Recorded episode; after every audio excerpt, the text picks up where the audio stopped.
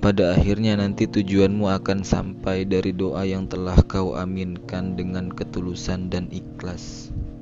Suatu saat kita tidak lagi mementingkan idealis. Yang terpenting kita berjalan beriringan menuju ridhonya.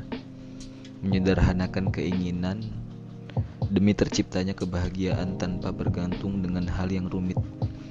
Terlepas dari semuanya, semua kembali pada awal kalimat ini.